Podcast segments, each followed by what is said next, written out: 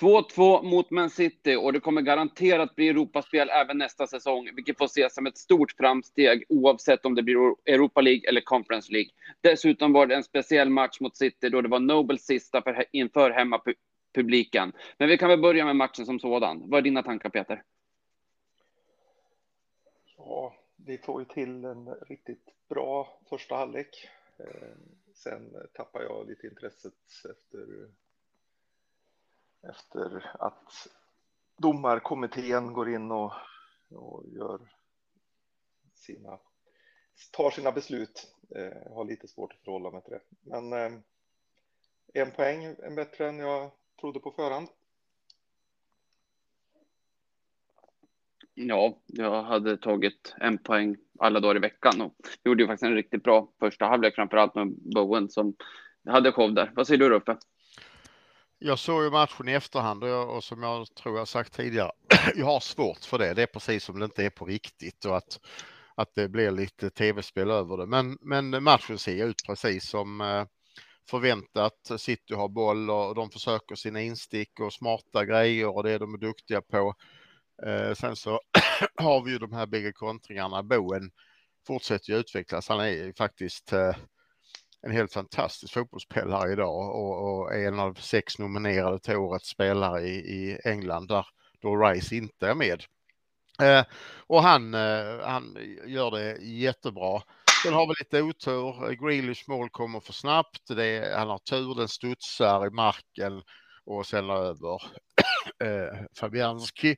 Och sen ytterligare lite otur där Sofall ger sig in på en boll han inte egentligen behöver ge sig in på.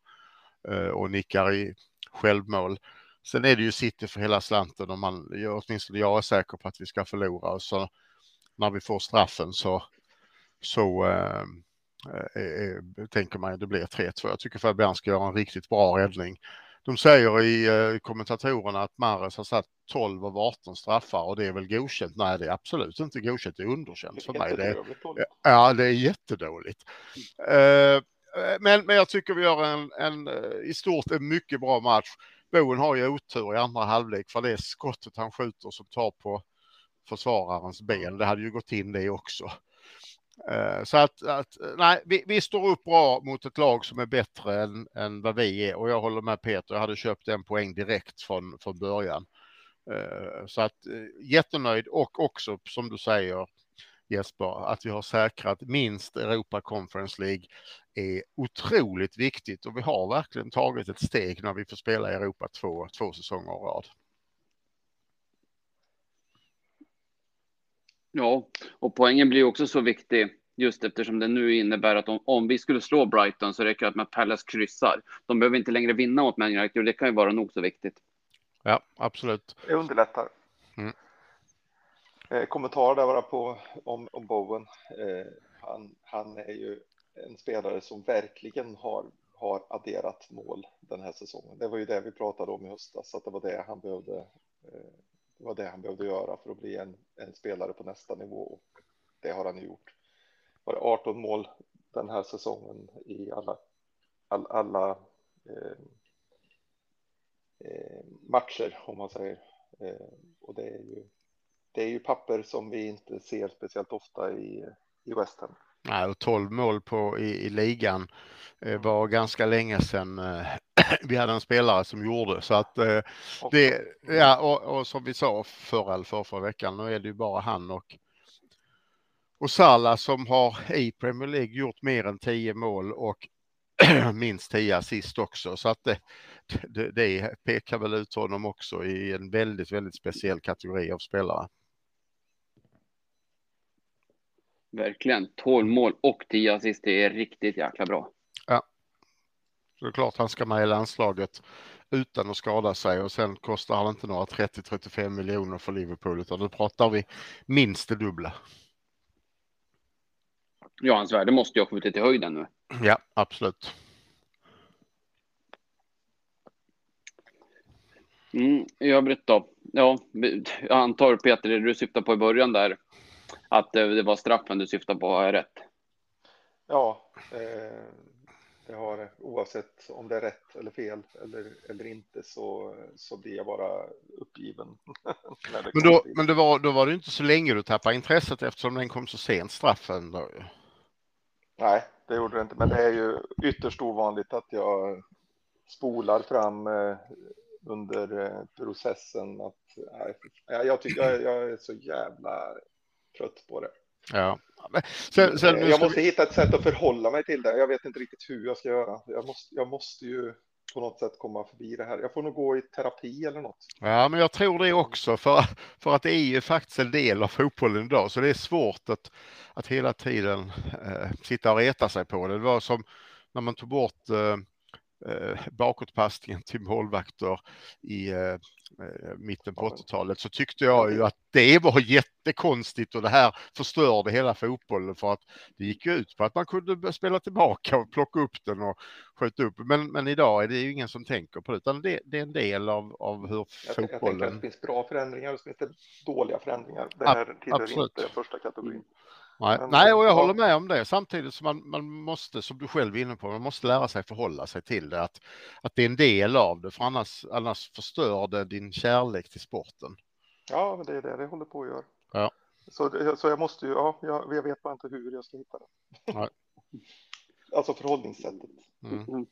Ja, det, för det blir tråkigt alltså för att jag, jag kan absolut förstå din känsla och frustration där, men, men jag känner liksom inte att det påverkar passionen på något sätt.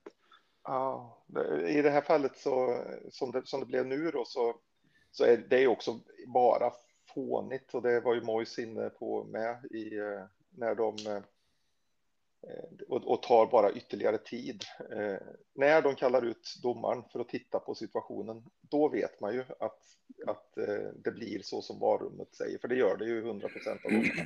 Ja, och det är jättelarvigt. Den delen i processen är helt meningslös. Det finns ingen som helst anledning att han ska gå ut, för det beslutet är ju redan taget. Ja, och där är jag helt med dig. Ja. Mm. Ja, nej. Det... Men vi ska inte fastna i det. Nej, det, men nej. Det var en fin räddning. Eh, och det är straff. Det var... För mig är det straff. Ja. Jo, jag kan hålla med om det. När vi ändå pratar om det, vi fick ju faktiskt en fråga på det, vi kan ta det på en gång. Det var ju Bengt Olsson som, han fokuserar väl i och för sig lite mer på, på Dawson och det är alltså vilken spelare som har dragit på sig flest straffar under säsongen. Han syftar på att det känns som att Dawson dragit på sig väldigt många. Är det något som ni har reflekterat över också? Jag, jag ser det nog så här att jag tror det kvittar vilket lag man tittar på så är det ju en av försvararna som drar på sig mest straffar och, och nog vanligast är det nog att det är en av mittbackarna möjligtvis en av ytterbackarna. Så att det är ju inte förvånande. Men, men Dawson är ju inte världens snabbaste spelare så det är inte så konstigt att han blir lite efter i, i, emellanåt. Nej, precis. Och jag såg Nej, statistiken. Och förlåt Peter, fortsätt. Nej, säger du. Säger du. Ja, ja, nej, jag skulle bara säga att han drog på sig, då, alltså vi har dragit på sex straffar i ligan nästa säsong, då har dragit på sig tre av dem. Mm. Och det är, väl, det är väl inte så konstigt, men det, men det ligger väl någonting i att, eh, i den känslan som Bengt upplever menar jag. Fast jag upplever ja. inte det så någonting jag vill lägga till last för, för Dawson. Eh. Nej då. Nej. Men, men det, det, kan bli så ibland. Alltså han måste ju också vara där och då händer det ibland att han kommer för sent. Ja. Och eh, i, i, det här fallet, jag hade inte haft något emot allt som domaren hade blåst och då straff på en gång. Det, det, finns, det finns inget som... Eh, eh, jag tycker bara att han ska ta beslutet när han, när han ser det och inte låta VAR-rummet ta beslutet och sen gå ut och titta på det och sen ta straffen tre minuter senare. Det är det. Ja, nej, nej, det finns definitivt förbättringspotential. Mm, men apropå Fabianski som, jag tror det var du som sa att han gjorde en bra match i eh, målet. Eh, en bra match och det, det gjorde han absolut. Det håller jag med om, en jätteräddning på straffen för det var ju verkligen mer en bra räddning än en dålig straff, även om det var bra höjd för honom. Men jag tänkte Ljungberg sa ju i studion att, eh, så att han skulle kanske kommunicera bättre med så fall. Hur, hur tänker ni där? Ligger det någonting i Ljungbergs resonemang? Han, han sa väl och de zoomar väl in och, och säger att att eh, Fabianski skriker away, away.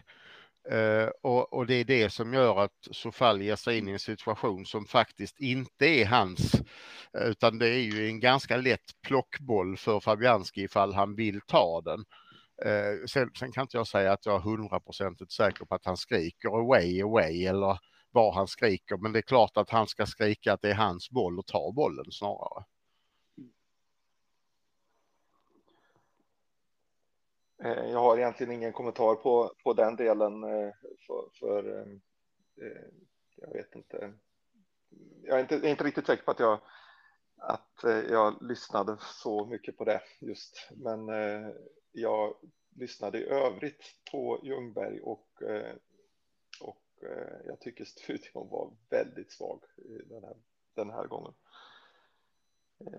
Det var, det var väldigt mycket Eh, Eh, det var väldigt mycket bara ett, ett enda långt hyllande av, eh, av Manchester City och eh, det var liksom ingen ingenting om att det var bra gjort av West Ham i halvtid eller, eller så där att man hade plockade fram något, något positivt om det, utan det var, det var liksom den enkla analysen, analysen hela tiden. Jag, det gav mig ingenting.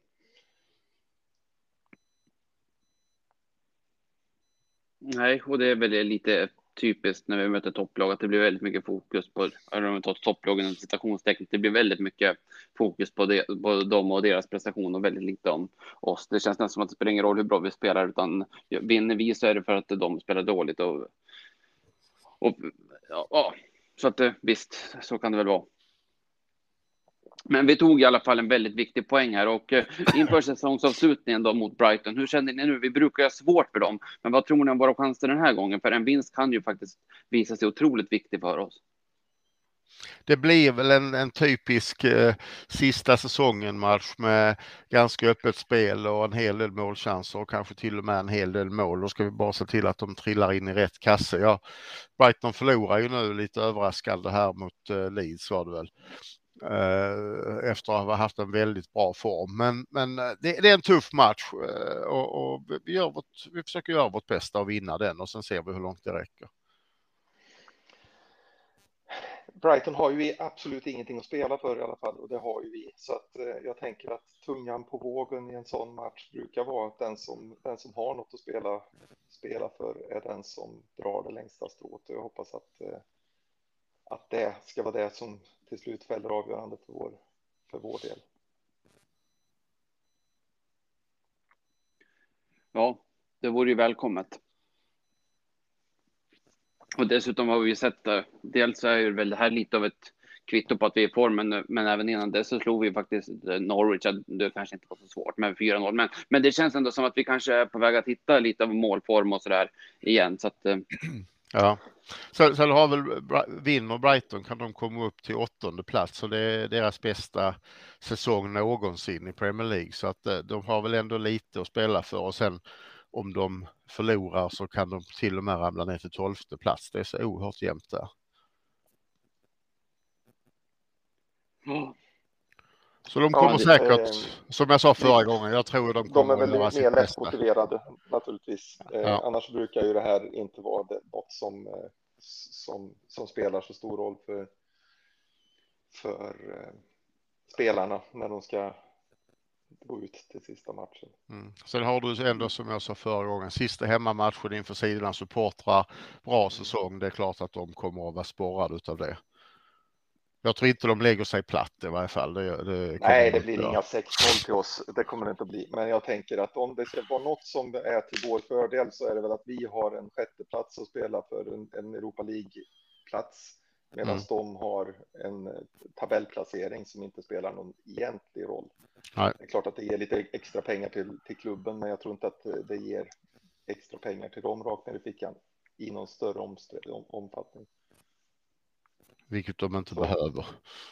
Nej, inte som de, inte som de behöver. Nej. Nej. nej. nej. Det är klart att vi, vi, jag menar, tittar vi bara på vårt, vår, vår facit mot dem så då förlorar ju vi. Så är det ju. Men, mm. Eh, eller spelar oavgjort. Oavgjort har det varit en hel del. Ja, absolut. Mm. Nu är det dags att bryta den trenden. Ja, precis. Och jag hoppas att vi kan omvandla nu tar vi och går förbi Manchester United. Sen är det klart att det kan eh, handla lite grann om hur det går i den matchen. Ja, eh, vi ska snart gå in och ta lite frågor. Det har kommit in eh, många som kan ta lite tid att, att analysera. Men, men först och främst har vi faktiskt också en det var ju en speciell match där som jag sa i introt. Hur känner ni då? Mark Nobles sista hemmamatch. För, för mig och i min generation är ju han, är ju han en väldigt stor spelare. Hur, hur känner ni inför att Nobel nu har, ja. Ja, det är med stor ödmjukhet jag ser honom stå på planen innan matchen och ta emot hyllningarna och även efter. Ehm, det är eh, en epok som går i graven. Ehm, och det kommer att ta lång tid innan vi får se något liknande igen, om vi någonsin får det. Åtminstone med en spelare som gör så stort avtryck som han har gjort under tiden som han har varit här.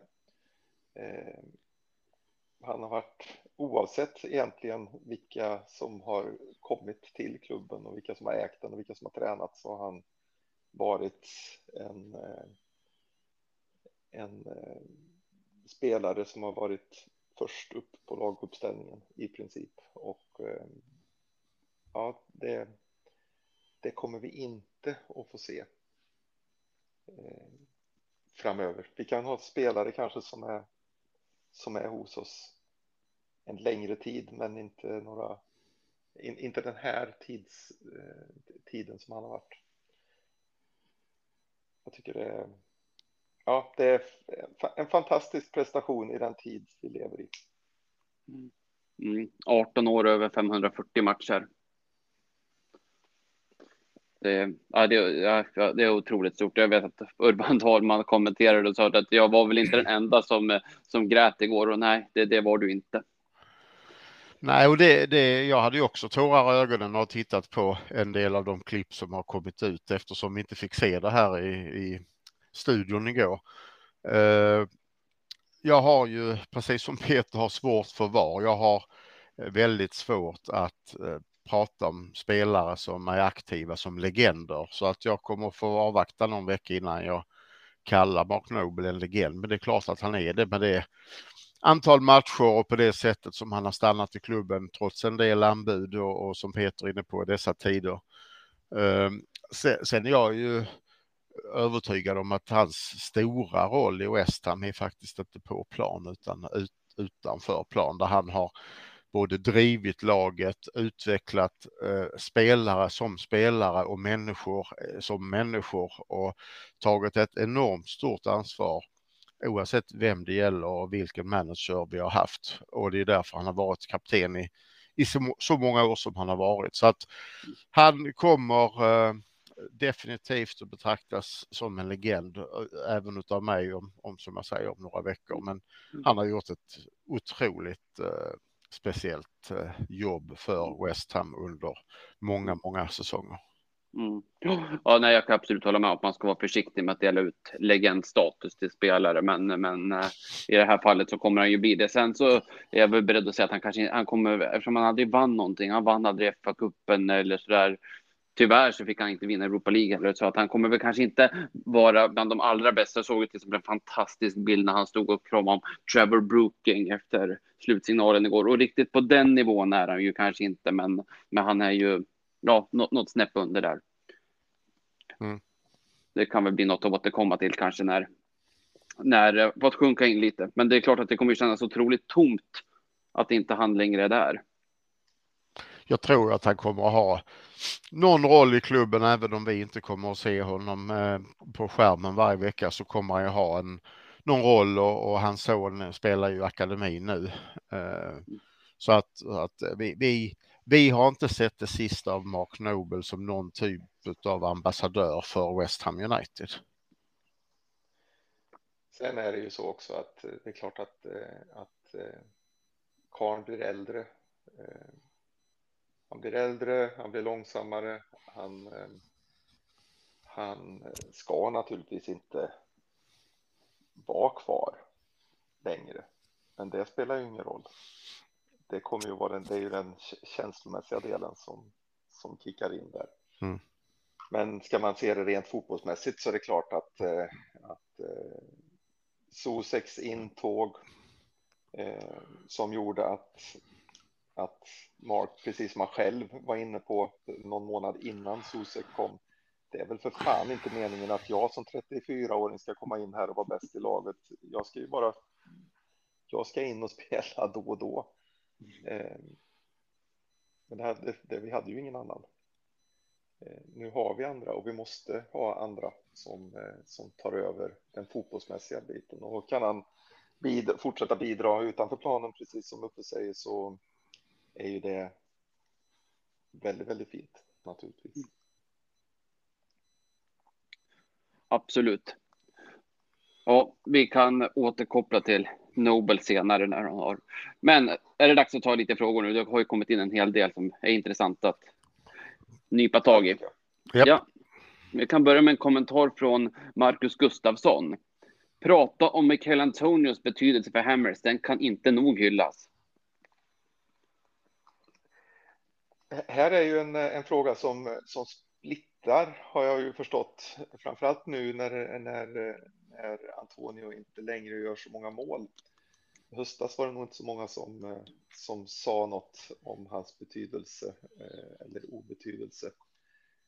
Eh, som jag ser det så har han så är en Antonio i form eh, så som han har varit på slutet nu, även om inte han har gjort så mycket mål och så som han var i höstas är ju oerhört betydelsefull för den eh, typ av fotboll som vi vill spela och som eh, Mois vill att vi, att, att vi spelar och för att, för att vi ska ticka igång på alla cylindrar.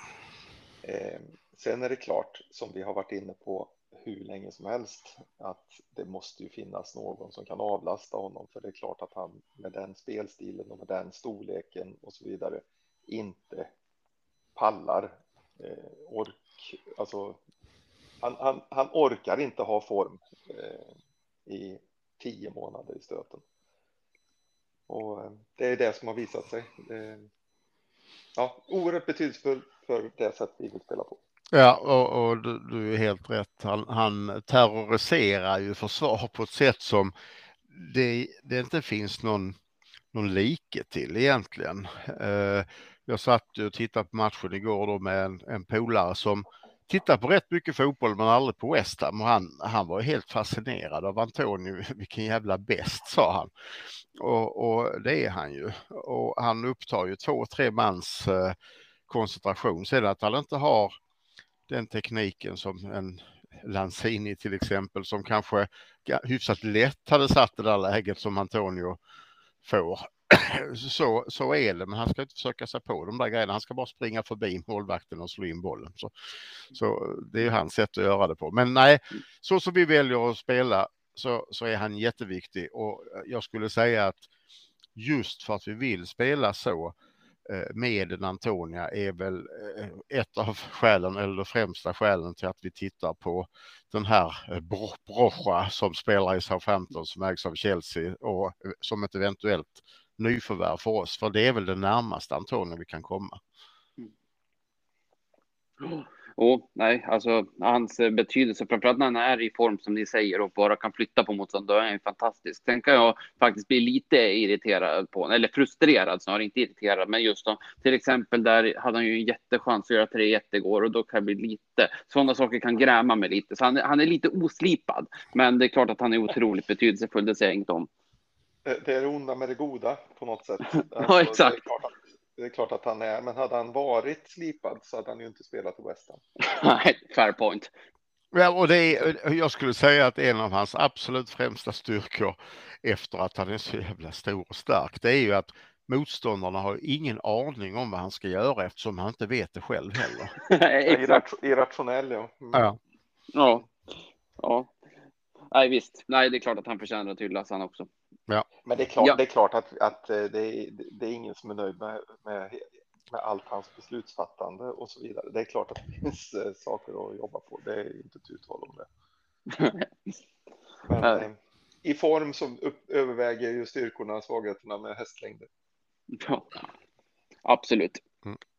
Ja, nästa det är väl också lite av en kommentar, men också en fråga. Det är Alexander Ågren. Han börjar med att säga att han gärna vill se ett längre Mark Noble hyllningsavsnitt och det kan vi väl återkomma till om, det, om vi kan få ihop. Det vore väl trevligt. Men eh, just nu så lyfter han fram att med facit i hand, säsongen går mot sitt slut och med tunn trupp har West Ham gått långt i ligan och Europa League. Tror ni att utan Europa League att West Ham hade nått en Champions League-plats? För han menar på att vi är kapabla att vinna mot de bästa lagen i ligan med en fulltalig och utvidgad trupp. Hade vi nått ännu högre i tabellen om vi inte hade haft ett tajt schema? Han ställer ju egentligen två frågor. Han säger så här, hade vi nått Champions League om vi inte hade gått så långt i Europa League och hade vi gått till Champions League om vi hade haft en större och bredare trupp. Och, och eh, fråga nummer ett, nej jag tror inte vi hade nått Champions League även om vi inte hade spelat Europa League. Eh, och nummer två, bredare trupp, ja det beror ju på vilka spelare det hade varit som vi hade fyllt på med och vilken klass de hade haft. Så att jag, jag skulle nog ändå säga att nej, fjärdeplatsen är inte våran än så länge. Jag skulle vilja säga så här att eh, det, eh, det, är naturligtvis eh, svårt att säga om, men vi hade i alla fall haft en större chans om vi hade haft en bredare trupp och om vi dessutom hade haft en bredare trupp och inte gått till eh, och inte varit i Europa. Och vunnit fler matcher. Vi... Ja, precis. Ja. ja. men jag menar, vi kan raljera om det i all evighet, men vi låg 3-4 länge i höstas Ja, eh, absolut. Och, eh, och framåt eh, jul och så där. Men sen så tappade vi ju. Och men det, det, man ska, det man ska ha med sig då är att förra året så gick vi rätt bra efter jul och vi plockade ihop 65 poäng. Nu ligger Tottenham fyra med en match kvar på 68 poäng mm. eh, och kan då landa in på 71, vilket skulle vara 6 poäng mer än vad vi hade förra året, än, vad vi fick ihop förra året. Och Arsenal ännu mer ifall de vinner bägge sina matcher. Ja, precis. De kommer upp i 72. Ja. Eh, nu skulle ju Chelsea kunna stanna på 70 då naturligtvis, men eh, vi, vi pratar ju att vi skulle, vi, vi, behöver upp på 70 poäng förmodligen då för att vi skulle ta en Champions League-plats, vilket naturligtvis hade varit svårt. Men det som irriterar lite och som gnager lite är ju att vi gav oss inte chansen att försöka nå den där Champions League-platsen. Vi, vi har en för tunn trupp för att slåss på de fronter vi gjorde. Vi gjorde ett jädra bra försök i Europa League, men där orkade vi inte heller till slut eh, hela vägen. Och eh, ja, det, det, har tagit ut sin, sin rätt eh, med den tunna truppen, vilket vi var inne på förra, för, förra veckan. Mm. Sen har vi... Samtidigt så ska man komma ihåg, det är supersvårt att, att plocka de här 70 poängen. Ja, och, och, och sen, sen har vi ju en del eh, otur och mindre bra prestationer. Vi släpper in mål i slutsekunder där både mot Brentford och Manchester United. Eh, vi förlorar hemma mot Leeds och hemma mot Southampton som vi faktiskt inte ska göra och så 1-1 mot Burnley till exempel. Så att poängen finns ju där att ta, men så har vi också vunnit en del matcher där vi kanske egentligen inte var det bästa laget. Vi gjorde själva mål i slutsekunderna mot Leeds borta till exempel. Så att eh, ja, över en säsong så ljuger inte tabellen, det gör inte det. Mm, nej. Nej, jag tror att hade vi inte spelat i Europa League så tror jag att vi hade tagit eh, sjätteplatsen i alla fall. Den redan hade varit, hade varit klar. Men... Ja, det hade den. Eh, och den hade varit klar också om vi hade haft eh, ett par, om vi hade fått in ett par spelare tidigt i januari som, eh, som hade gett oss lite energi där när det började ta slut. Mm. Men det gjorde vi inte. Så det, Nej, och det, det, är som, det är som det är. Och det, det för oss faktiskt in på nästa fråga. Det är Anders Ellerman som säger att det var en lyckad säsong med väldigt många matcher att följa på tv. Förhoppningsvis många matcher även nästa säsong. Vad tror ni eller hoppas ni att Mois och ledningen lär sig av denna säsong och försöker förbättra? Ja, jag, jag hoppas att han drar slutsatsen, vilket han ju säger att han har gjort att vi behöver ha en lite bredare trupp än vad vi har den här säsongen. Jag tror att det är den absolut viktigaste lärdomen att dra. Mm. Och, och, och, och, det är helt rätt och jag tror dessutom att vi har tagit den lärdomen som, som du säger. Så att eh, ehm, ja, det blir bra. Ja, det blir det säkert. Mm. Sen, sen vill jag ju, eftersom vi var inne nu på att diskutera tabellplaceringar, så får jag ju säga att eh, lyssna på avsnittet Spåkulan, för där var det någon som sa att vi blev sjua. mm, men vi kan fortfarande bli sexa. Fast jag säger att vi kommer att bli sjua. Ja, då hoppas jag har fel i den här ja. gången också. Mm, nu kan vi välkomna Urban Dahlman tillbaka. Han ställde ju ingen fråga förra veckan, men nu så är det dags igen. Eh, era tankar kring Cress var helt övertygad efter Frankfurt-matchen att han var för gammal, för långsam med mera. Men idag tycker jag nog att han var en, eller mot City ska jag säga, att han var en av våra absolut bästa spelare. Håller han en säsong till? Då var han ändå äldre då, på City-matchen än Frankfurt-matchen. Nej, jag tror han håller en säsong till. Ja, eh, men vi behöver ha in en ordentlig ersättare som vi kan rotera med och då pratar jag inte om Masuako utan vi behöver ha in någon och den vi har tittat mest på är ju den skotske landslagsmannen i Bologna. Jag kommer inte ihåg vad han heter nu. Och så har vi tittat på Tagliafico i, var spelar han också i Italien. Mm. Eh, men, men vi behöver ha någon att rotera med. Mm. Han heter Hickey. Hickey, ja. Mm. Bra, tack. Ja, mm. ja, nej, precis. Jag, jag, jag, jag, tänker så här angående hans, eh, alltså vi har spelat en ganska lång säsong där vi i ganska många matcher har varit väldigt, väldigt nöjda med Crystal. Eh, sen så, så gör han en miss här och en miss där och framförallt har han gjort två stycken eh, tråkiga, in, tråkiga beslut i Europa som ledde till utvisning och så där. Men jag tänker att eh, han har visat många gånger att, han, att, det inte är, att det inte är där han har sin nivå. Eh, sen är det så här med, vi har ett helt gäng med platser som vi behöver uppgradera på. Vi kommer inte att kunna uppgradera allihop. Frågan är då, är vänsterbacken den viktigaste? Jag vet inte. Jag är inte säker på det. Att det är den jag skulle sätta högst på prioriteringslistan över där, där nyförvärvet måste vara den som går in och Eh, spelar 75-80 procent av matcherna. Mm. Mm, Urban har fler frågor, men för fl äh, flowets skull så kan vi återkomma lite senare. Eh, vi har Lukas Johansson. Han vill dels att vi ska snacka om Bowens säsong och det har vi gjort och att vi ska hylla Nobel, det har vi gjort. Men så undrar han också vilka värvningar vi behöver göra under kommande fönster.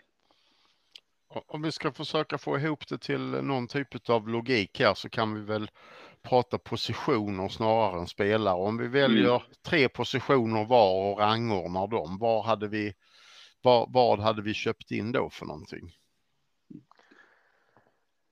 Då hade vi köpt in en eh, forward, en innermitt och en, och en mittback. I den ordningen. Mm. Forward, offensiv mitt, mittback hade jag tagit. Uh, I den ordningen. Mm. Ja, och jag tar forward, mittback och vänsterback. Mm. Och då kommer vi till nästa fråga som är rätt klurig. Det är Anders Dorotal Nordqvist som undrar om det finns några potentiella nyförvärv. Du nämnde några, för finns det fler som vi Ja, om vi, om vi, det var vänsterbackar där, om vi tittar på, på mittbackar så tittar vi ju på Tarkovski. Den som är närmast är han som har dykt upp de, eh, de senaste dagarna ifrån Rennes. Jag, jag, kan inte hans namn heller i huvudet, så du kan väl hjälpa mig där Jesper om du har det. Mm. Han som vann eh, Afrikanska mästerskapen eh, mm. nu. Eh, han, han är hyfsat nära och så har vi då Tarkovski, men då har vi samma problem som vi har med väldigt många av dem vi tittar på. Det är att Newcastle tittar på samma spelare men kan erbjuda andra löner. Uh, och sen så har vi fortfarande vår, vår vän i Fiorentina, vad heter han? Vad heter han? Milenkovic eller vad heter han? Som, som uh, han och Zuma var det vi tittade på förra året. Det är väl de tre som är närmast nu och så uh, Worrell i Nottingham, men då får vi ju se hur det går för Nottingham i mm. Playoffen. De lär ju gå till final i varje fall. Och så vill mm, vi ha, vi vill ju ha en vänsterfotad eh, innerback och därför så är Ake också eh, aktuell också fortfarande. Mm. Jag har tyvärr inte hans namn. Nej, okej, okay, okej. Okay. Jag kan se om jag kan hitta det medan vi pratar vidare här. Mm. Mm. Ja, intressant. Peter, har du hört något mer eller ska vi gå vidare? Nej, det har jag inte. Eh, mm. inte, inte namn som jag. Jag Mm. vet också vem det är Uffe pratar om, men jag kommer ju inte ihåg vad. Nej, jag hörde inte heller sådär. Och vad det gäller min rangordning där med en anfallare så behöver inte det vara en första anfallare, men vi måste ha en anfallare. Ja, men någon som åtminstone kan eh, växla med Antonio. Ja. Jo, men det är klart och det säger vi till Antonio att han måste ha uppbackning. Så. Han heter Naif Aguerd. Där. Men, men jag vill inte ta gift på att uttalet är ens i närheten rätt. Ja, men det är bra. Men vi förstår i alla fall vem det här är, även om jag inte känner till honom sedan tidigare. Samma här. Han är Men- väldigt men- lång i varje fall. Ja, vill Mojs ha honom så, så är han välkommen. Ja. Mm. Ja, eh, Jesper Englin fortsätter lite på samma mm, tema. Vilken realistisk värvning vill ni helst ha in i sommar? En forward, antingen Brocha eller en Kettia. Mm. Ja, jag säger väl lite grann emot mig själv eftersom jag nu står att jag vill ha en anfallare, men han kan ändå spela anfallare. Jag vill ha Louis Potter. Ja, det är kul. Ja. Mm. Då vill jag ha Lingard då. Mm. Hade, offensiv mittfältare hade jag inte ens eh, med på mina tre. Så det är fjärde positionen. Mm. Ja, men vi kommer behöva många spelare i fönstret. Så att... mm. Urban Dahlman fortsätter. Nu är han tillbaka här. Eh, Pope i Burnley, skulle de åka ut är det min uppfattning att vi måste hugga honom. Vad tycker ni? Ja, Mycket hellre Pope i Burnley än eh, han West Bromwich-målisen som vi har pratat om. mm, Johnson. Mm. Jansson. Mm. Ja. jag, jag eh, tar hemskt gärna Pope också, men det där är verkligen en, en diskussion om eh, vad han kostar i balans mot eh, Areola och, och lönebild och allting. Den, den som vi kan få för minst pengar eh, skulle jag hugga utav de två. Men jag har absolut ingenting emot att se Pope i West Ham. Nej, han ser bra ut, men eh, jag vill hellre ha kvar Areola eftersom han... Alltså, Han är liksom om, redan om, nära i det, laget. om det ens var ett, ett, eh, ett, val i, i, mellan, mellan de två så hade jag naturligtvis också tagit Ariola. Mm. Men det var inte så uppfattade frågan. Ja, det var det. Det säkert. håller jag helt med om. Det håller jag helt med om. Ja, och Urban fortsätter med att eh, titta på eh, nedflyttade spelare. Pucki i Norwich. Mo, Mo, Moyes vill ju alltid förbättra startelva, men gör man tio mål eller något i seriens sämsta lag så vore det väl en grym truppspelare och en bra avlastning för Antonio. Jag har tänkt samma sak flera gånger, så jag tycker att, eh, var det Dahlman? Ja, Ja, jag tycker Dahlman eh, tänker rätt i det här läget, absolut. Jag tänker att han fyller, han fyller 30, han är 32 nu redan. Eh, fyller 33 nästa år. Jag, nej, jag passar. Mm. Ja, då har vi kommit eh, fram till den längsta frågan. Om vi hjälps åt så kanske vi kan försöka se till att hålla den så kort och koncis som möjligt. Det är Bengt Olsson. Eh, om ni får kategorisera spelartruppen i följande inför nästa säsong. Startspelare, truppspelare, låna ut, sälj, köp ut till varje pris som vi inte kan sälja. Kan, ä- ä- kan även kalla sista kategorin för låt oss säga Masuaku. Eh, Förutsättningarna ni får för nuvarande trupp är att vi köpt in en mittback, en vänsterback, en mittfältare, defensiv, en offensiv mittfältare och en anfallare under sommaren. I sälj kan man ju även ah, tänka att sälja en bra spelare för att det är rätt läge till rätt peng. Mm. Jag har tagit upp truppen så vi, om vi plockar dem från målvakter och rör oss offensivt så kan vi väl kategorisera dem eh, var och en. Ja, Eh, och, och då har vi Fabianski först och då säger jag ju behåll på honom. behåll, säger jag också. Men då kanske jag ska säga så här att jag tycker att han ska bli truppspelare nästa säsong och att Areola är startspelare. Ja, nu har jag ju inte alla hans kategorier framför mig. Eh, och jag Nej. håller, håller med dig om det. Så nästa är ju Areola och då säger vi att Mm. vi, vi köper in Areola och, och så behåller vi honom som första målvakt och så blir Mm. Fabianski cupmålvakt istället. Ja. Mm. Och eh, Martin släpper vi, Martin släpper vi och Randolph säljer vi. Håller med helt och hållet. Exakt. Ja, Backarna. då har vi, eh, om, om vi tar dem som de är på hemsidan så har vi Cresswell först och jag säger behåll. Behåll. Mm. Och, och möjligtvis truppspelare, precis Peter. Ja, precis. Jag tänker, han, han gav oss förutsättningar att det kommer in en vänsterback och en, Exakt. en eh, Ja, och då är det mer Och truppspelare. Det, vänsterbacken går in som startspelare då, i så fall. ja, precis. Zuma, eh, behåll självklart. Be, behåll och startspelare. Ja, i så fall eh, behåll och eh, rotationsspelare, både start och truppspelare säger jag då. Jaha, Ja. så startspelare. Ja, jag skulle också ha som startspelare, men däremot att Ben Johnson får hoppa in där ibland och kanske någon annan. Ja. Så då har vi Craig Dawson och innan vi då säger att vi vill behålla honom som truppspelare eftersom vi har fått en innerback så eh, ryktas det, inte konfirmerat dock, att Dawson är sugen på att flytta norrut igen. Han kommer ju från Rochdale och har varit ganska länge i London nu, i Watford först och sen West Ham och eh, vill vidare. Sen är det väl tveksamt efter den säsongen han har gjort om han verkligen vill gå nu. Men, men det ryktas i varje fall att han, att han vill röra på sig. Men, men truppspelare för mig. Absolut. Där har vi annars en 25-30 miljoner pund in på kontot. Catching. Uh, nu har du suttit och smuttat på whiskyn igen Peter. Det är, klart, det är klart att vi måste få ut värdet på spelaren. Ja. Eh, Ogbonna, truppspelare. Truppspelare. Samma. Diop, sälj. Sälj. Ja. Om vi kan så säljer vi. Ja.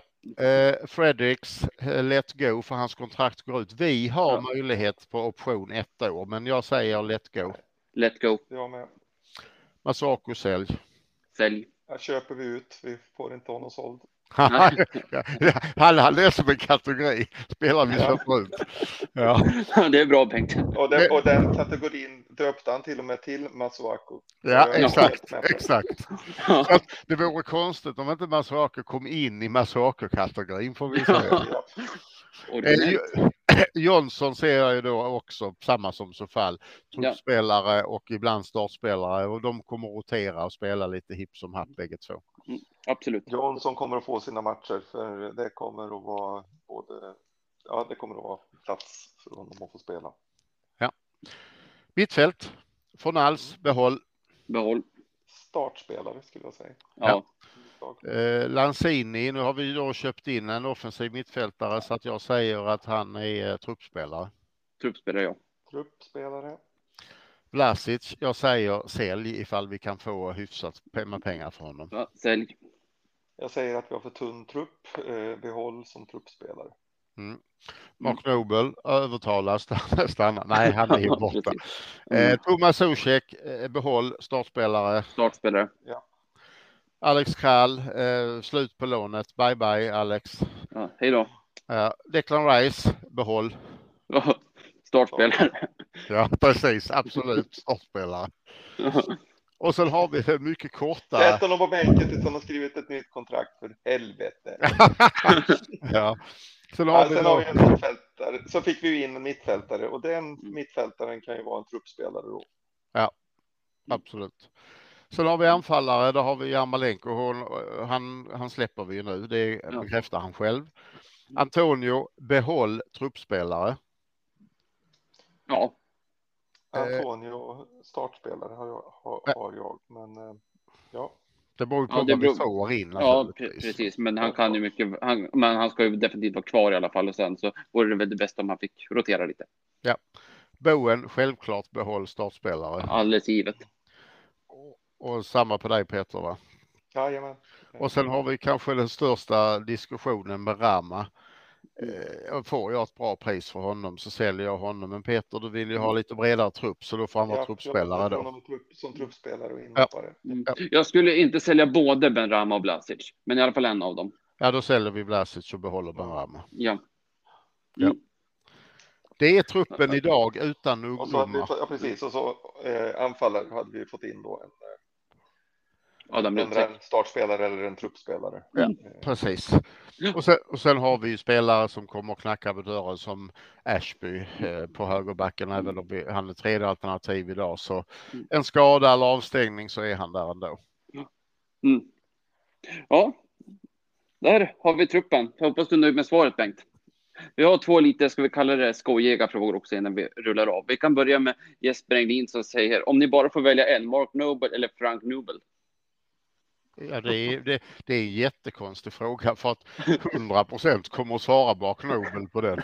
ja, det var väl en liten ordvits antar Ja, jag. absolut. Fra- Frank Nobel var väl en eh, talang forward som vi värvade från Chelsea som aldrig fick chansen och som aldrig var speciellt bra heller. Nej, och han Han gjorde var väl en av de här Ocoflex killarna som vi, som vi värvade på den tiden fast han var 16 istället för 21. Mm. Han, han, var väl inne och, och snurrade från bänken någon gång och sen gick han vidare och gjorde ingen succé heller var han nu gick, Championship eller uh, division eller League One. Så att uh, nej, Mark Nobel i alla lägen. Mm, definitivt.